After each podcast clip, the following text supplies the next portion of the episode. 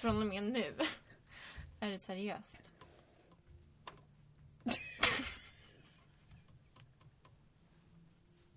För de som inte ser oss kan vi bara förklara vart vi sitter. Vi sitter alltså i en garderob på Värmdö. Ehm, Det är väldigt varmt här inne och det är ingen luft men vi hittade inget annat rum som var ljuddämpat så att eh, det fick bli det här. Mycket om och men för att komma till det vi ska prata om. Verkligen.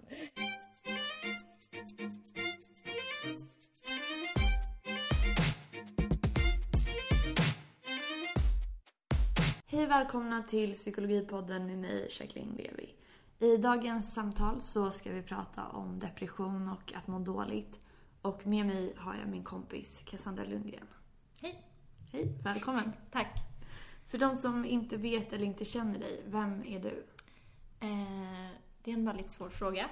Men eh, jag eh, är från Stockholm och växte upp här men bott i Kalifornien sedan 2010. En, efter jag tog studenten så flyttade jag dit och bott där i sju år. Eh, och när jag har varit där så eh, pluggade jag först. Eh, så jag har då två bachelors från eh, UCSB heter det, där vi träffades. Eh, och då har jag en bachelors i antropologi Eh, vilket är läran om människa och samhälle och typ hur vi har utvecklats från apor till bönder och nu så här, hyperteknologiska varelser. Eh, och sen även en bachelors i eh, arkitekturhistoria, vilket ja, säger sig självt vad det är. Men eh, ja, och nu är jag hemma i Stockholm över sommaren och åker tillbaka om ett par dagar. Vadå? Precis, som du Kortfattat. nämnde. Precis. Den korta versionen. Ja. Um, nej men du nämnde att alltså UCSB, det är ett universitet i Santa Barbara då. Mm. Och det var där vi träffades. Jag var på Mm. utbyte. Och eh, gud, det här låter som en dålig eh, romantisk möte. men det var där vi blev kompisar. Ja. Ehm, och nu så sitter vi här i en garderob på Värmdö. Och ska spela in det här avsnittet helt enkelt. Mm. Och eh, det är ett ganska svårt ämne att prata om. Och kan vara väldigt personligt. Eh, och det är ett väldigt stort ämne. Det är svårt att veta var man ska börja. Eh, men vi hade väl tänkt att samtala lite om våra egna erfarenheter angående depression och typ hur man kan hjälpa människor eller kompisar som går igenom det. Eh, och hur man ska liksom handskas med den situationen för att det är så pass vanligt idag. Eh, alla människor känner någon som har gått igenom lite depression, mycket depression eller som själva har haft eh, perioder av att må väldigt dåligt. Exakt. Och det är det vi vill uppmärksamma med Mm. det här avsnittet. Ehm, och alltså om vi bara ska ta den, den kliniska biten av vad en depression är för någonting. Så den vanligaste formen av depression kallas för egentlig depression. Mm. Och då finns det eh, olika liksom, grader av den. Det finns tre olika. Det finns lätt, eh, sen så finns det måttlig och sen svår depression. Mm. Och oavsett vilken av de här som man kanske blir diagnostiserad med eller som man upplever sig känna igen sig i mest så är det ju vissa symptom som är återkommande Mm. oavsett då grad. Och ett av de vanligaste är ju så här, den här känslan av nedstämdhet. Det är ju det som är väldigt talande för depression. Att du känner dig nere, livet känns meningslöst. ehm, Du känner att eh, du kanske har tappat lusten till det som du brukar tycka är Mm. roligt. Många så beskriver att de tappar aptiten eller att man får mer aptit. Så då är det oftast att du går upp eller ner i vikt. Du kan ha sömnsvårigheter, antingen liksom svårt att somna, vakna på natten eller så vakna väldigt tidigt och ligga och grubbla och sen inte kunna somna om. Minskad sexlust, så här, värk i kroppen. Eh, att man så börjar strunta i sina grundläggande behov. Mm. Borsta tänderna, duscha, klä på sig, äta. Alla Mm. de här, så här basala grejerna som människan behöver. Men så här, tankar på döden. Mhm, mm. Ehm, det måste inte nödvändigtvis vara självmordstankar, det kan vara det. Men det kan också vara att man tänker på döden. Det kan, som um, Ann Heberlein uttryckte det, att jag vill inte leva men jag, nej, jag vill inte dö men jag vill inte heller leva. Mm. Ehm, det är en Man letar efter en utväg, liksom. Ja, utväg från Mm. att, här, till att kunna må bättre. Mm. Ehm, och det här är ju då liksom den kliniska bilden av hur en depression brukar se ut. Ehm, men jag tänkte så här, för att göra det lite mer verkligt, det här låter ju så himla så stolpigt. Mm. Kan inte du beskriva din upplevelse av hur det känns att vara deprimerad? Eh, jo. Vi kör pang på här. Hej! eh, nej men jag har haft stunder som eh, när jag inte mått så bra. Eh, och det är någonting som jag har handskats med i många år. Ehm, det är svårt, nej, det, det, är svårt att prata om. Eh, nej, men för mig har det känts som eh, ett tillstånd som betyder att man tappar lite verklighetsbilden av sig själv. Man får en väldigt sned eh, bild av vem man är, vad man liksom har för värde, vad man kan. Eh, och det är lite som, eh, som en så här sned tavla. Men du ser ju inte att tavlan är sned, utan du tror att det är fel på tavlan. Men egentligen behöver du bara vrida och vända lite på perspektiven så ser du att det är en tavla, den har en ram, eh, den har en, en bild. Det kanske inte är världens bästa tavla, den kanske inte kommer säljas på Bukowskis för så 45 miljoner. Men det är, en, det är en fin tavla. Liksom. Men istället då för att försöka vända och vrida och hitta andra vinklar så ser man bara att den här tavlan hänger snett. Eh, den här bilden av mig själv är helt liksom, det, det är snett och eh, jag vet inte hur jag ska lösa det. Och det är allt man ser. Och då behöver man ju hjälp av andra människor kanske eh, att hänga saker och ting rätt. Och, och, eh, och det är någonting som man eh, kan behöva jobba på ganska länge och det finns olika vägar dit. Eh, men det är någonting ja, som har varit för mig.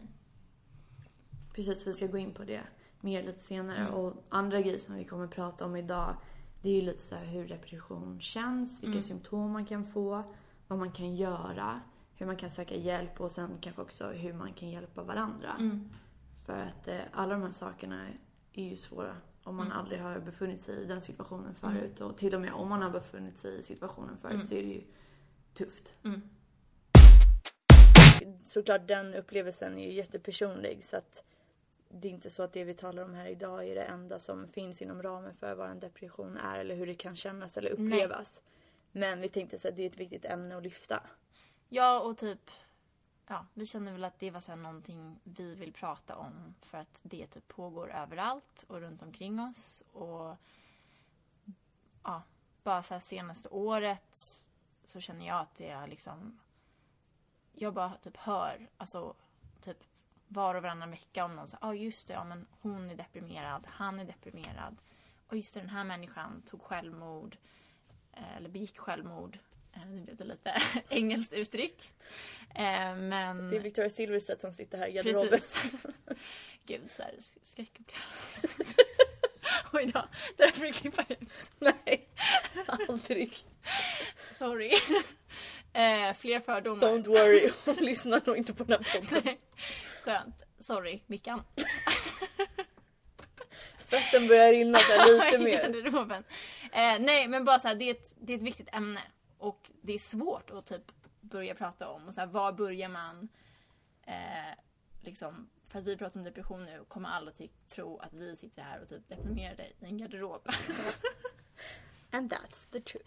And that's the true story. Eh, nej, men eh, det jag kan säga är att eh, jag har eh, personlig erfarenhet av att vara deprimerad. Både liksom för min egen del och för människor jag känner nära. Och eh, min egen mamma hade jättestora problem med det, tror jag, under hela sitt liv. Och hon eh, tog självmord. Eller begick självmord. Vickan here. du så här, gjorde du en jättesvensk grej så fort det blev så här, lite, ja, lite, lite jobbigt. jobbigt. Då drog du till med Vickan Silvstedt. Vickan. För det är så två helt paradoxala liksom, ja. världar. Eh, nej men eh, ja, så, eh, hon hade det. Så det har alltid liksom funnits väldigt nära inom min familj. Mm. Eh, för att det hände när jag var 14. Eh, så typ precis innan jag, liksom, när jag övergick från att vara barn till att ha typ en mer vuxen idé av världen så händer det. Ehm, så det har varit någonting jag har varit medveten om väldigt länge att det existerar och att det kan gå väldigt illa. Och att det kan skapa otroligt mycket sorg och ont. Ehm, men också att det är så himla vanligt. Jag läste just, alltså typ, bara för att så här, kolla så här. What is depression? Eh, så stod det typ att en fjärdedel av män under sin livstid har det och eh, hälften av alla kvinnor eh, upplever det. Ja, det är väldigt vanligt. Men, men när din mamma begick självmord, Mm. kommer du ihåg om du så visste att det var konsekvensen, eller vad man ska säga, av långa depressioner? Eller kom det som en jättechock att du inte ens visste vad psykisk ohälsa var då? Mm, nej, jag tror att jag visste. Och det är ju det, vi alla idag vet typ vad det är. Därför att det är så pass vanligt. Det pratas en del om det i media. Um, vi har människor som försöker vara liksom öppna uh, med att ha gått igenom det liksom. Och ändå så är det så himla svårt att prata om. Ändå är det så himla svårt att erkänna att man själv har problem med det. Uh, för man vill inte ta den rollen. Liksom. Hur menar du?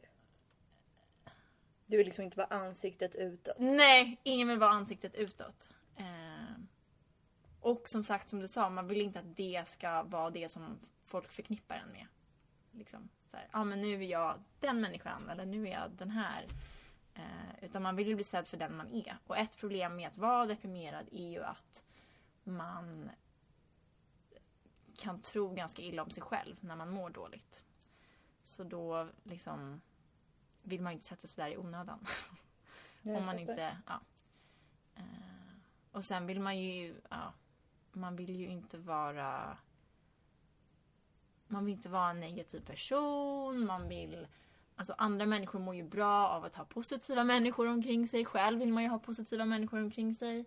Eh, så det är därför tror jag att det är väldigt svårt för folk att så här, vara ärliga med hur de känner Mm. och när de mår dåligt. Mm. Och, eh, ja.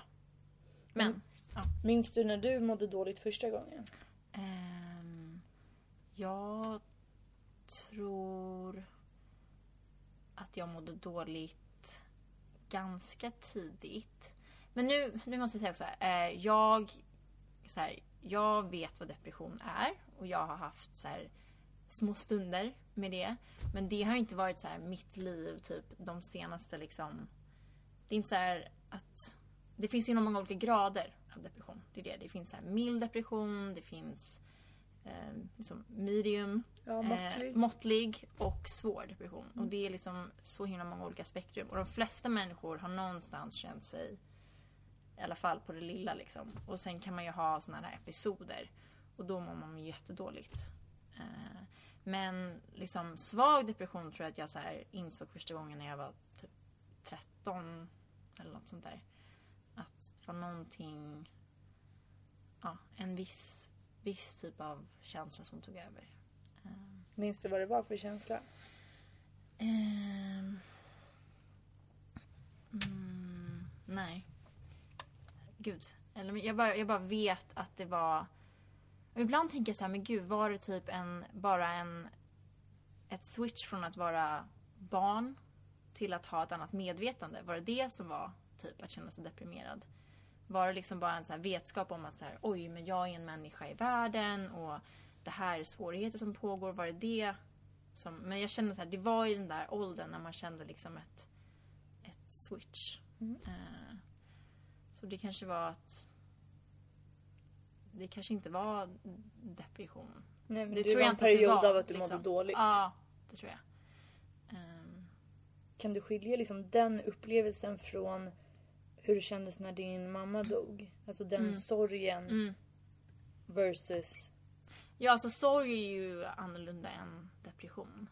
Ehm, eller depressiva känslor eh, och tillstånd. Ehm, men ja. Sorg, ja, men sorg är ju bara så här. Jag vet inte, vad, vad tycker du? Vad tror du? Är, vad är skillnaden mellan sorg och liksom depression? Jag tror att sorgeprocessen är en frisk reaktion på en ovanlig händelse. Eller det, är inte ens, det behöver inte vara en ovanlig Nej. händelse. Nej. I vissa fall är det det och i andra är det ju helt naturliga. Mm. I de flesta är det naturliga anledningar. Så att sorg är ju kopplat till en viss särskild händelse. Mm. Eller att man har mist någonting, att du har Mm. förlorat någonting.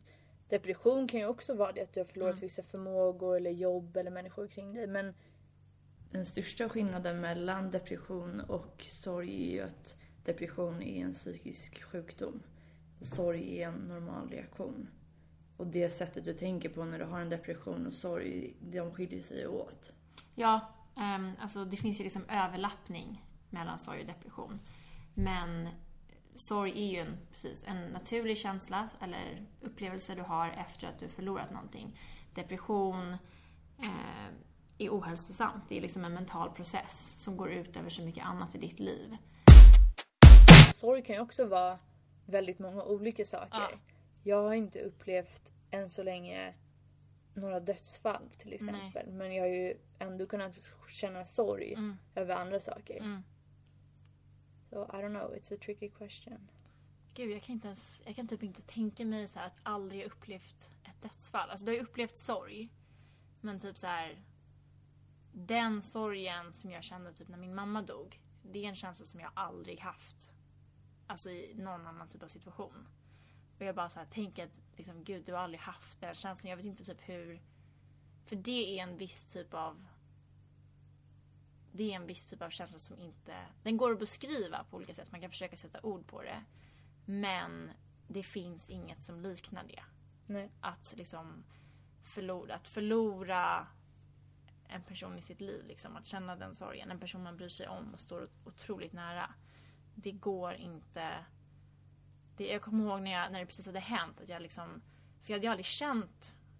Jag hade aldrig haft den känslan förut. Och jag kommer ihåg att jag det kändes, alltså bokstavligt talat, kommer jag ihåg att jag förklarade för någon att som att någon hade typ skurit ur mitt hjärta, hackat det i bitar, typ lagt det tillbaka och försökt typ så här plåstra om det. Så det kändes nästan helt. Fast samtidigt så bara liksom blödde det igenom. Ehm, och liksom skorpan var så tunn och den kommer aldrig vara ett helt hjärta igen. Liksom. Eh, så kändes det. Och känns nu? Eh, ja. Men å andra sidan, jag är såklart jätteledsen. Liksom, jag, den där sorgen, det, det, är inget kul, det är ingenting man väljer. Eh, men jag känner även att det har gett mig en annan typ av liksom, förståelse för livet eller andra människor som har gått igenom det. Till exempel har jag märkt att så här, många människor som jag lär känna på äldre tid har ofta varit med om någonting liknande eller någon typ av större sorg. Uh, att det är någonting som bara så här, och det vet jag ju liksom inte när man först lär känna någon och man typ kommer överens och man har kul och eh, uh, det, man delar ju andra grejer också. Men jag har märkt att det är ofta någonting som så här, oj, jaha, gud, du har också förlorat typ någon människa som stod dig nära kanske, eller du, ja. Eller har varit med om någonting jobbigt ja, på andra någon, sätt. precis. Uh. Nej men så är det alltså jag och många psykologer, så jag vet att många kan bli väldigt frustrerade när någon som man talar med säger ja men jag förstår precis mm. vad du menar. Mm. Nej, alltså jag kommer aldrig kunna, även om jag upplever en förlust så mm. kommer ju inte min upplevelse kanske ens vara i närheten av din. De kan ju liksom skilja sig oavsett. Mm. Och jag tror att det är väldigt svårt att försöka föreställa sig en känsla med den typen av intensitet om man inte själv har upplevt mm. den. Det är ju fortfarande bortom ens liksom, upplevelsebank, mm. eller man ska säga. Mm.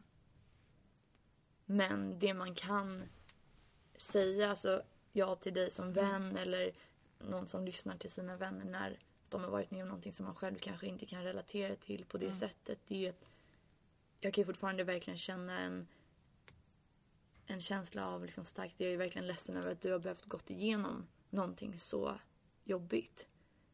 Och jag kan ju ändå finnas där för dig även om det är så att jag kanske inte fullt ut förstår din upplevelse. Det, så kommer det alltid vara. Man kanske inte kan förstå någons upplevelse fullt ut men man kan ju fortfarande finnas där som stöd. Absolut. Och sen, och jag menar det är liksom inte heller att säga att liksom, åh oh gud, nej men du fattar inte. Utan, Dålig psykolog.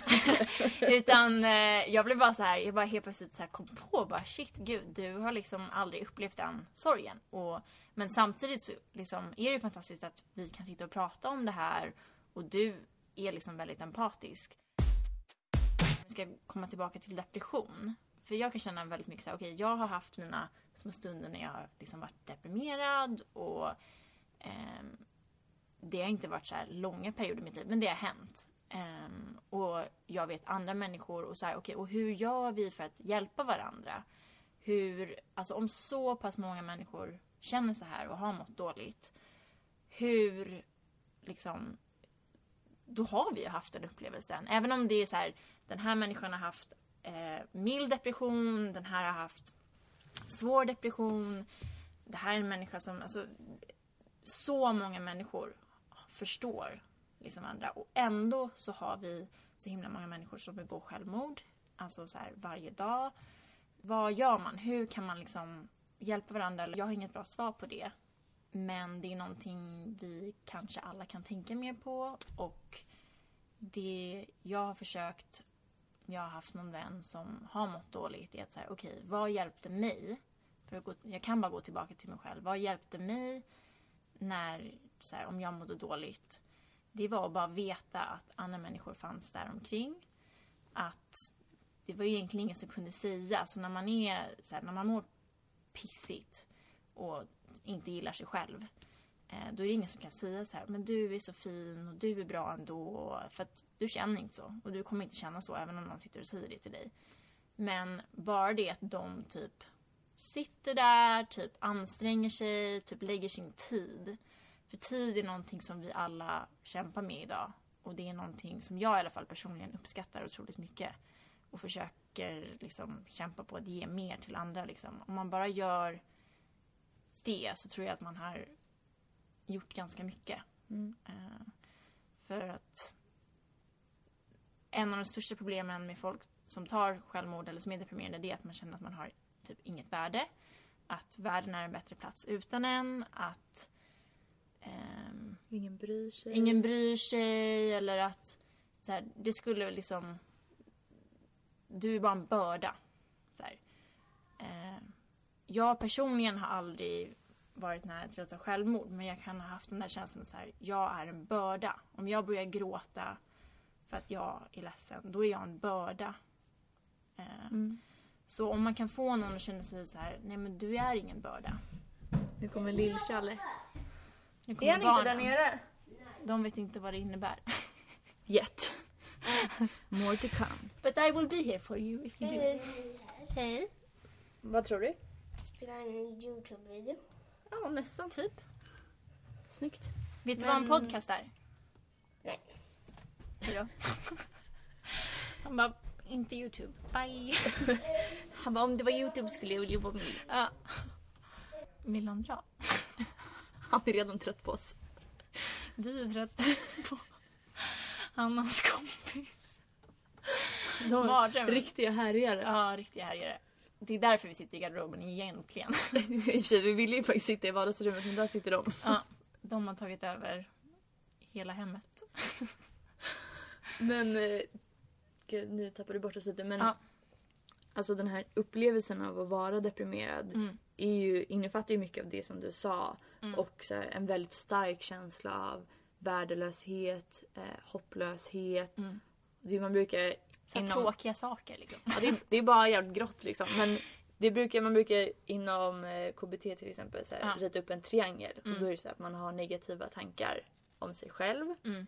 Och sen i andra hörnet så är det om omvärlden. Mm. Och sen tredje hörnet om framtiden. Mm. Och jag har också så här, hört många förklaringar så här. Att vara deprimerad är som man på sig ett par glasögon Mm. där allting blir grått. Det är ju lite så, så du ser ju världen genom ett filter Ja. där ingenting spelar någon roll Ja. egentligen. Ja, eller du har liksom kört in på en jävligt jobbig bana Mm. i huvudet liksom. Eh, och den går liksom, den vill man, den Det behöver är man en liksom, rondell. det är en rondell.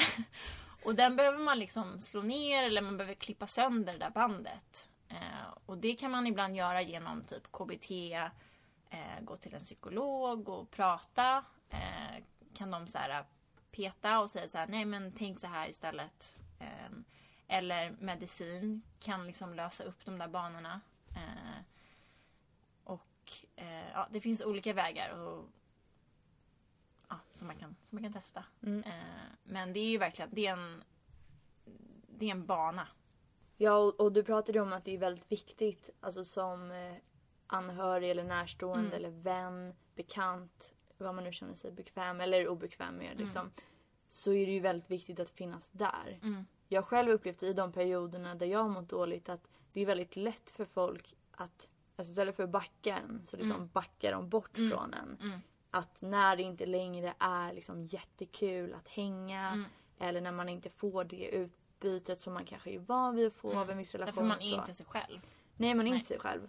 Eh, och då reagerar folk på det och kanske reagerar tvärtom än vad man kanske Mm. skulle må bra av. Mm. Att när man mår dåligt, och det tror jag många som lyssnar har också upplevt, alltså, då blir det ganska tydligt vem som finns där. Mm. Vem som finns kvar liksom.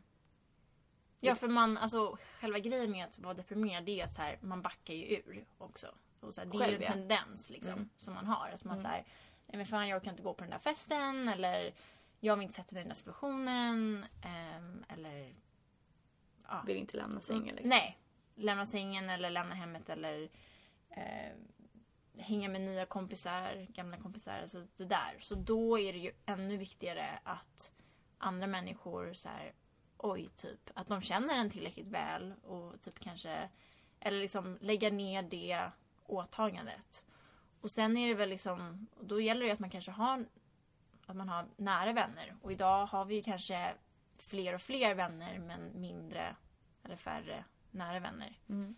Ehm, eller att man liksom, man ses inte så mycket utan man typ smsar varandra ganska mycket eller facebookar eller där sker de flesta interaktionerna.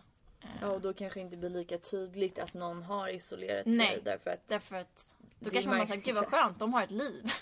Och sitter inte på typ Instagram. Men det är ju ett problem idag liksom med alltså, social media också. Att vi, vi har inte lika många så här ordentliga relationer som det läggs tid på, där man umgås liksom, i person. Till och med när du sitter bredvid någon för att ni har bestämt att ni ska träffas så är det så här var och varannan minut ett annat sms, en annan människa som kräver din kompis uppmärksamhet eh, eller din uppmärksamhet. Så du avbryter ju hela tiden och då får du inte tid för de här små liksom kanske ah, liksom nu har vi suttit och pratat och ja, men det är lättare att vara distraherad eh, från det som faktiskt pågår eller det du behöver göra eller den tiden och kvaliteten som du behöver lägga Mm. på en kompis för att skapa en intim relation för att, för att förstå vad som pågår med dem eller bara att lägga den tiden. Vi är ju alla så himla stressade idag. Ja, och många är liksom väldigt upptagna med sina Ja. egna liv och det har man ju Ja. också full respekt för. Att Absolut. beroende på vart en person själv är i livet så kanske man har mer eller mindre resurser att finnas där Mm. för någon annan. Mm.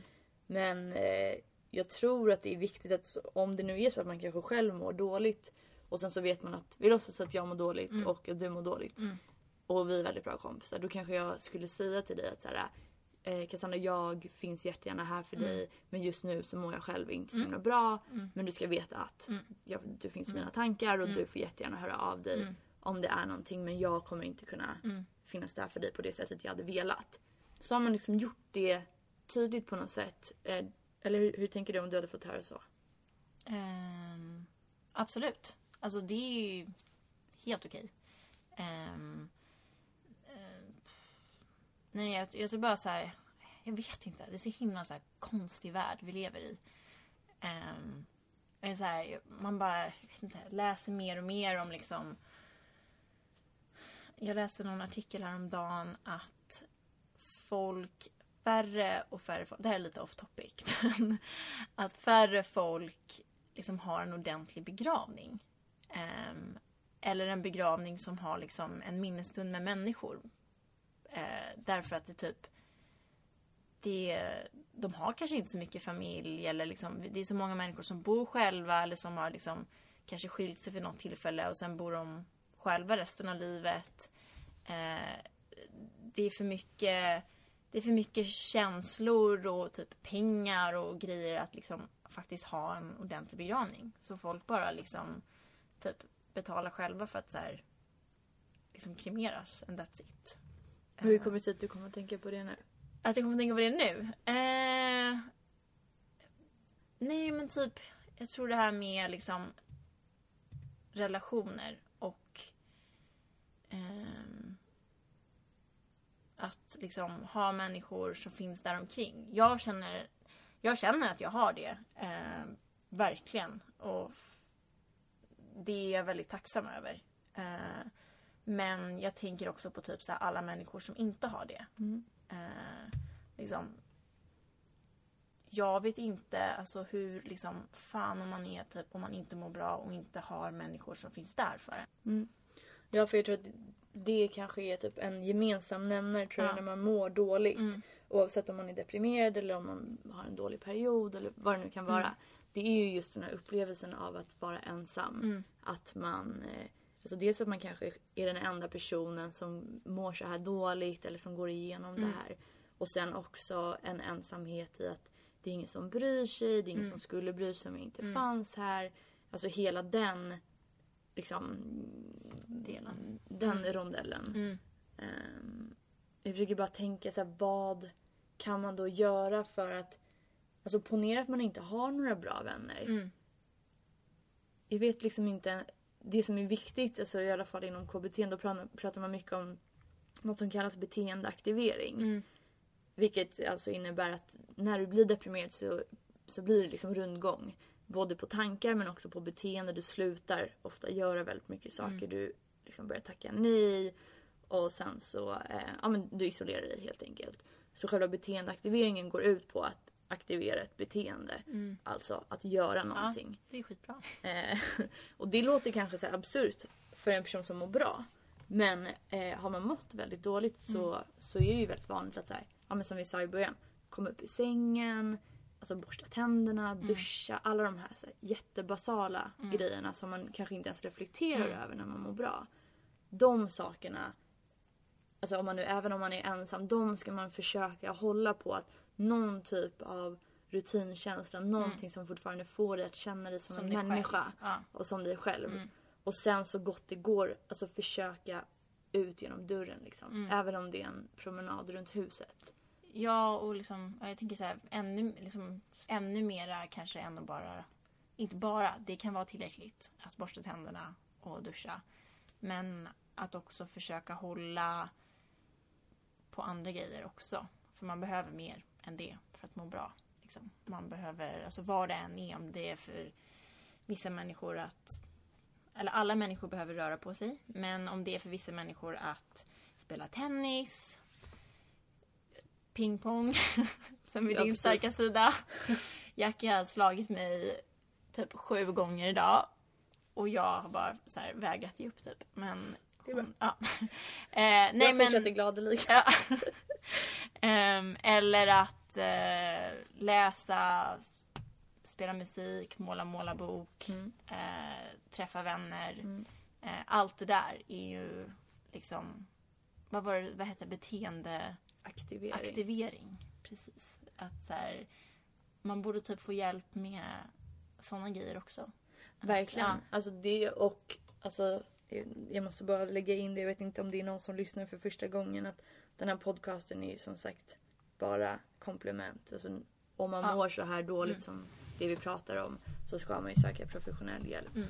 Och jag tror, alltså det tror jag också är en grej, har jag fått känslan av när jag pratar med folk runt omkring mig i alla fall, att, att det är en ganska stor barriär till att här, söka hjälp. Mm. För att man vet kanske inte hur man gör. Mm. Vad händer när jag går till en psykolog?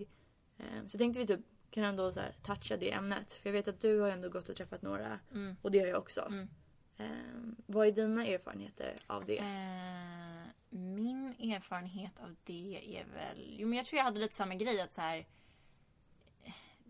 så här, ja, men Är man verkligen typ... Så här, är det här ens någonting som är okej att gå till en läkare för? Typ? Eller, eller gå liksom... Nej, men har jag verkligen... Mår jag dåligt eller är jag bara lite ledsen? Eller vad, liksom, hur ska jag veta vad det liksom är ja, men liksom, är det okej att så här, erkänna typ, för sig själv eller för någon annan eh, att man mår dåligt? Eller så här, är jag bara gnällig nu? Eller, det är ju där det som finns så mycket skuld. Eh, Och skam, kanske. Och skam. Absolut. Alltså, det är ju skitsvårt att bara typ, prata i den här podden om det här. Mm. Därför att det finns eh, så mycket skam kring det ämnet. Och det är ju flera människor som har sagt förut, typ i media, och ändå så liksom så är det skam over and over again. Ehm, men min väg var, jag tror för sig att det som vände för mig var verkligen att eh, gå till en psykolog som jag gillade. Ehm, jag, när min mamma dog så gick jag till um, BUP. Eh, då tror inte Alltså jag barn och Ja, ungdomspsykiatrin. barn, precis. Yes. Eh, då tror inte jag att jag var så redo för det. Eller liksom, så det funkade typ inte för mig då. Men det kan vara ett väldigt bra eh, ställe att gå till. Ehm, Om det är under 18 alltså. Ja, precis. Sen Eh, finns det vuxenpsykiatrin om man är över 18. Ja. Nej men bara för att såhär, Nej, här, om man inte nej, har varit nej, där så... absolut. Eh, och sen så gick jag till en eh, privat psykolog några gånger som jag hade fått rekommenderat av en annan människa. Eh, och sen kanske jag insåg senare när jag träffade någon annan att så här, nej men det hjälpte nog inte mig specifikt, hennes metod. Eh, men hon hade eh, en metod som funkar för vissa människor. Och sen så gick jag till en annan tjej och det, då så här, efter att ha gått där ett tag då släppte verkligen mycket. Hon hade mycket tekniker som hjälpte för, hjälpte för mig. Och det handlade mycket om eh, sån här mindfulness, eh, meditation, eh, att vara lite snällare mot sig själv framförallt. Eh, för att jag kan vara väldigt taskig mot mig själv. Um, och sätta väldigt mycket så här, krav och höga förväntningar som är typ bara så här gjorda för att inte gå i uppfyllelse och sen när de inte gör det så tycker jag att det är mitt fel. Liksom. Um, men sen även har jag några gånger eh, testat eh, alltså antidepressiva. Och vid något tillfälle så funkade det inte alls och sen så bara gick det över av sig självt. Och sen vid något tillfälle, tillfälle så testade jag någonting annat. Och då funkade det eh, jättebra. Eh, och sen kunde jag sluta på det. Men vissa människor måste ju äta medicin typ hela livet. Liksom, för att de har så svår depression. För mig har det varit typ så här ett par gånger när jag kände så här, oj, nu är det inte så kul längre. Nu känns det inte bra. Jag behöver hjälp. Ehm, men sen har jag liksom mått bättre och då typ slutat medicin. Så det är olika för olika människor. Mm. Eh, alltid. Och man ska ju vara under liksom psykiatrisk eh, översyn Mm. när man tar medicin. Mm. Absolut. Och sen för mig var det jätteviktigt att eh, jag kände skam i att ta medicin. Och då kände jag som att jag erkände så här, oj gud, nu är det verkligen någonting fel på mig. Vad kommer den här medicinen göra? eh, och liksom att jag tog tag i min egen, den liksom, det var jobbigt. Eh, men eh, medicinen tillsammans med eh, den här ena psykologen som jag träffade, det var det bästa för mig. För då kändes det som att medicinen liksom löste upp limmet lite.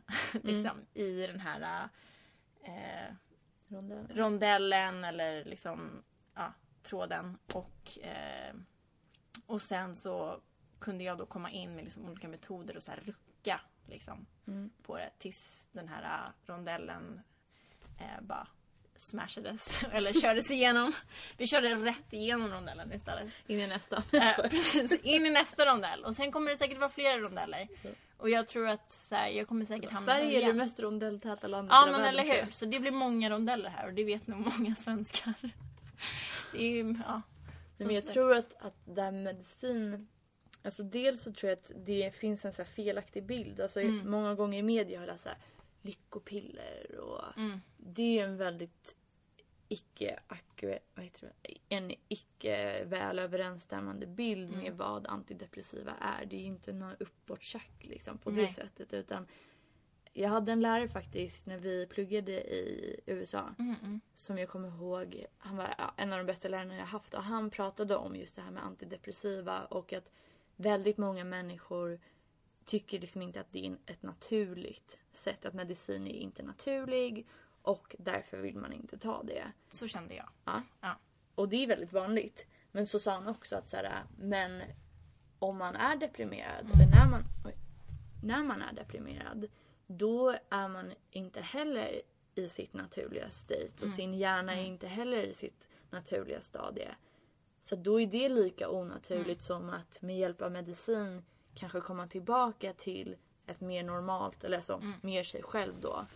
Ehm, och det är ju det, alltså medicin, som sagt det är ju jätteindividuellt men tanken med medicin är ju att du på något sätt ska kunna komma till en nivå där det sen går att jobba med Mm. ja, terapi då till exempel. Det är därför man ofta Mm. gör dem parallellt med varandra. Nej, alltså för mig det som hjälpte typ, det är så här, det var lite cynisk, lite så cynisk inställning, men jag kände väl så här, men gud, typ vi lever i ett så här onaturligt samhälle. Det är jättemycket som försöker rucka på våra liksom hormoner och kemikalier och grejer hela tiden. Så jag reder, eller reder, lever Jag redan. jag lever redan ehm, i en onaturlig värld och min liksom hjärna är säkert redan lite onaturlig. Ehm, så jag måste då liksom lägga i annat för att liksom balansera ut det. Menar du det att det är på något sätt berättigade? Det är för mig då berätt, berättigat. Men det kändes så här, liksom, sen tror jag fortfarande på, jag menar, jag är ganska kritisk till typ så här, liksom, ja men så här, för mycket medicin och att man liksom, man vill ju inte heller vara fast, alltså det finns ju människor som är på typ så här 20 olika mediciner och kanske behöver det. Och det liksom kan jag inte säga någonting om. Men för mig så försöker jag alltid och typ jag skulle hellre vilja att det inte var så. Jag skulle hellre vilja leva så naturligt som möjligt. Och liksom också typ äta så rent som möjligt. Och ehm, försöka bo i ett hus som inte har några konstiga liksom, kemikalier och allt sånt där. Men jag känner så Här här, kommer San Francisco-andan Precis, nu kommer så här the little hippie in me. eh, nej men så känner jag. Och då, men, så här, och då var jag så här, nej men gud, det, vi lever i ett väldigt onaturligt samhälle. Ehm, och nu får jag vara lite typ snäll mot mig själv. Och inte så himla hård och inte så himla så här Dömande du, dömande. Och du ska inte ta någonting och du ska liksom ja, göra det på ett så här renodlat sätt. Och Så kanske också en svårighet låter det som att ta emot hjälp. ja, Oavsett form kanske. och det är det nog för jättemånga. Absolut. Ehm, men du har ju liksom ingenting att förlora, Nej. tycker jag. Nej, och mår man tillräckligt dåligt så, Ja. så vill man ju bara ha Mm. hjälp. Och man Mm. vill må, må bättre. Det var ju som hon som skrev in Mm. eh, häromveckan, Mm. lyssnarfrågan. Ja. Ja. Man ska säga. Hon sa ju det, så allt hon vill är att må bra. Ja. Hon bryr sig inte om någonting annat Nej. egentligen. Ehm, Alltså, och sen typ så här, liksom framtidsmässigt då, då förhoppningsvis kan man ju försöka jag vet inte, får vi väl för, som samhälle eller som individer så får man ju försöka hitta något form av liksom liv där man kanske inte behöver liksom ta sådana där grejer för att må bra eller jobba på att skapa liksom förhållning eller förutsättningar. Förutsättningar, precis tack. Förutsättningar för att vi inte ska behöva må så här. För Mm. det gör vi mycket på grund av eh, förväntningar, som hur våra liv är strukturerade, krav på jobb. ehm, Ja verkligen, det är ju en balansgång genom hela livet. Mm. Oavsett kanske vilket stadie man befinner sig i. Det kommer ju olika problem eller Mm. olika svårigheter med olika Mm. åldrar. Jag tänker att så, här, okej, så medicin det är ett sätt att göra det. Mm. Sen sa du också att man, eller du hade varit och pratat med någon. Mm. Ehm, jag tänker bara vi kan så här, nämna det för Mm. till exempel när man pluggar till psykolog så har man något som kallas för egen terapi och det Mm. är att man själv ska gå i terapi Mm. x antal timmar. Det har varit 50, nu är det 25, jag vet inte. Det skiljer sig åt i varje fall. I och med det här så har jag alltså testat en del psykologer själv. Eh, och har väl också fått liksom, testa på hur det här liksom, välfärdssamhället som vi lever i verkligen funkar när det kommer till kritan. Mm. Ehm, och alltså, jag vet att många är rädda för att söka hjälp just för att man inte vet vad som händer. Men det- det som händer då, eller ska hända, Mm. är att eh, antingen så söker du upp en person privat och då måste du ha råd att betala för det. Mm. Och det kan liksom oftast bli väldigt dyrt. Mm. Så att det är ju ingen förutsättning som alla personer har, men det finns många. Sen så finns det ju då inom sjukvården, så att om du är under 18 så kan du alltså söka dig till BUP. Eh, är du över så finns det vuxenpsykiatrin och då finns det ju något som heter öppenvården. Eh, det är alltså att du, du sover inte över där utan du kan komma dit, ha ett samtal, göra en utredning. Eh, och sen finns det slutenvården. Slutenvården är på olika psykiatriska avdelningar på sjukhusen. Där är du inlagd, Mm. antingen frivilligt eller mot din egna vilja. Om det är så att man misstänker att du kan skada dig själv eller andra personer. Ehm, och i öppenvården då i alla fall, dit kan du söka dig om du har en husläkare eller eh, ja, den läkaren som du träffar. Då kan du berätta hur du mår och sen så kan du be om en remiss till en terapeut och då får du träffa antingen en psykolog eller en psykoterapeut, kanske en psykiater och sen så bestämmer ni ja, tid då första gången ni ska träffas. Då går man dit. Ehm, och sen så är det inte säkert att man klickar med den personen. Det kanske Mm. man gör eller inte. Men jag tycker ändå man ska här, ge det några gånger för att det är svårt att avgöra på en 40-45 minuters session. Det kostar, jag tror att det är så här 120-110 eller något sånt där per gång. Men sen så gäller ju högkostnadsskyddet. Mm. Så antingen om du redan har kommit upp i det beloppet så blir det då gratis. Eller så kommer du efter ja, Det är ju nio- fantastiskt. Att nio, tio om man är i i det. Sverige, att man har den möjligheten. Ja så är det ju inte Ja. i USA till exempel. Nej. Ehm, nej men och sen så sätter man sig ner på den här personens rum. Eh, och sen så brukar det väl typ börja med så här, ah, men hur kommer det sig att du har sökt hjälp här? Eller hur kan jag hjälpa dig? Så får du berätta det som du känner dig bekväm med att berätta. Ehm, brukar oftast vara så här 40-45 minuter långt. Ehm, vad mer kan man vilja veta? Jag vet inte, jag känner bara så här rekommenderar att bara försöka göra det liksom. Alltså om man, om man mår dåligt så kan det ju vara svårt att göra saker och få Mm. saker gjort. Eh, men liksom i Sverige så har vi ett så pass fantastiskt system. Du kanske träffar någon som du inte klickar med. Du kanske träffar en psykolog som inte är liksom perfekt. Men börja bara någonstans. Därför du har sån fantastisk möjlighet att bara liksom börja få hjälp. Liksom. Att hamna i systemet, att eh, kanske få i alla fall alternativ till vad du kan göra. Och ibland så kan det vara att man bara behöver prata med någon typ tre gånger. Ehm, och sen känner man så här, oh men gud, det är det här liksom. För att vissa människor, det är det, vissa människor har ingen att prata med heller. Nej gud nej. Ehm, man liksom Det kan ju vara en person som har många vänner som ändå inte upplever sig kunna prata med någon. Precis, precis. Man kanske inte känner att man kan prata om det som har hänt eller om det som hur man, hur man mår ehm, med, eh, med sina vänner. Eller att man vill, det, är ganska, det kan ju vara känsliga grejer.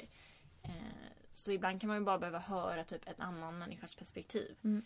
Eh, och då fattar man att man är inne i en jävla bubbla och att man inte behöver sitta i den bubblan. Ja, och om man som vän till exempel inte vet vad man kan göra så är det här kanske då ett konkret Mm. tips på någonting man skulle kunna göra. Man kan ta reda på, alltså hjälpa kompisen att boka en tid hos sin läkare till exempel. Man kan följa Precis. med, inte sitta inne kanske på terapi liksom, sessioner men kanske gå med kompisen dit. Alltså de här, så här små sakerna som Som kan skjutsa någon exakt du liksom in att börja liksom knäcka rondellen. Exakt, du är liksom extra motorn Ja. på, på den här personen för den tillfället har liksom... Gud, Ingen vi har bensin. kämpat med den här metaforen. som bara så här, Den är typ inte så bra. nej, och vi bara liksom kom på den vid något tillfälle och körde på den här idag. Jag vet om du känner såhär, det är typ ingen syre. Nej, det är, Det är ingen så varmt. syre. Ehm, men... ehm, nej men så att ja, men medicin är en grej, söka hjälp, prata med sina kompisar. Sen så återigen så här, man har ju ett ansvar både för sig själv att verkligen kämpa när det blir tufft och att finnas där sida vid sida med de personerna som man bryr sig om när de behöver kämpa. Mm. Därför att det kommer komma en tid i allas liv, alltså det är jag ganska övertygad om, när man inte mår bra. Det är liksom en Eller del man av att vara att man är människa. nära någon som inte mår bra. Ja, och de flesta Ja. mår ju också dåligt at some Ja. point i Mm. hela sin, sitt liv liksom. För att runda av, eh, om man har känt sig deprimerad i sitt liv eller man har känt sig nere eh, och finner att man kanske har börjat må bättre eller att man jobbar på att må bättre. Det viktigaste är att liksom hitta verktyg. För du kommer kanske aldrig hamna på en plats där allting är perfekt. Eh, ingen människa kommer någonsin vara vid en plats där allting känns perfekt. Eh, utan det kommer ske saker hela livet, du kommer utsättas för prövningar, för stress, liksom jobb, familj, allting.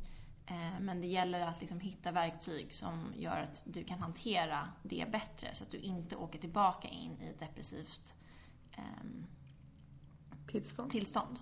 Ehm, Så eh, försök inte att stressa på för mycket att hitta liksom en plats där du mår så himla bra. Utan försök att hitta de här verktygen som du inser passar dig och använd dem eh, när det känns att det behövs. Ja, det, det är ju det här typ dikotoma tänkandet. Alltså att när man, vi säger att man har börjat må bättre och sen så får man någon typ av setback eller du, du mår dåligt någon dag och då kanske du oroar dig för att du är tillbaka på ruta ett.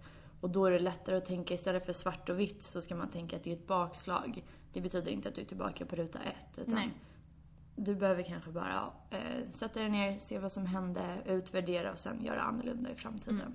Och så har det varit för mig. Att så här, flera gånger för mig har det varit svart och vitt-tänket var jättejobbigt förut. Och nu så märker jag nästan på en gång, inte alltid, men när jag hamnar där, att det börjar bli svart och vitt igen. Att jag tänker så här, oj men nu har det här hänt, så det betyder att jag alltid kommer göra så här eller någonting. Och då får jag bara typ så här, skratta åt mig själv lite och bara så här, nej, så här, det tänket är fel. Det tänket, eller liksom är, eh, fung- eh, hjälper inte dig, utan det hjälper dig. Och eh, ja, vi ska runda av nu. Men eh, jag glömde säga förut, alltså, som sagt, du kan söka till din läkare och få en remiss. Men du kan också skicka in något som kallas för egen remiss. Alltså att du kontaktar den mottagningen som du vill gå till direkt. Eh, då får du oftast fylla i ett formulär vem du är och, och vad för typer av besvär du har och, och vad du önskar få träffa. Ehm, så att, ja, det är ett annat förslag. Om man nu tycker att det är ett för stort steg att gå till läkaren så kan man också skicka in en egen remiss. Sen finns det ju såklart eh, andra sätt att söka hjälp. Exempel på dessa är att du kan ringa till Självmordslinjen. Eh, jag har pratat med Mind i avsnitt nummer fyra tror jag. Där pratar vi mer om Självmordslinjen. Eh, det är gratis och det är anonymt. Ehm, sen finns det även skolkuratorer. Det finns studenthälsan på universiteten. Ehm, ja, det är svårt att säga alla sätt du kan få hjälp på, men det här är i varje fall några. Men eh, ni får sköta om er så hörs vi snart igen. Mm. Puss och kram! Hej då!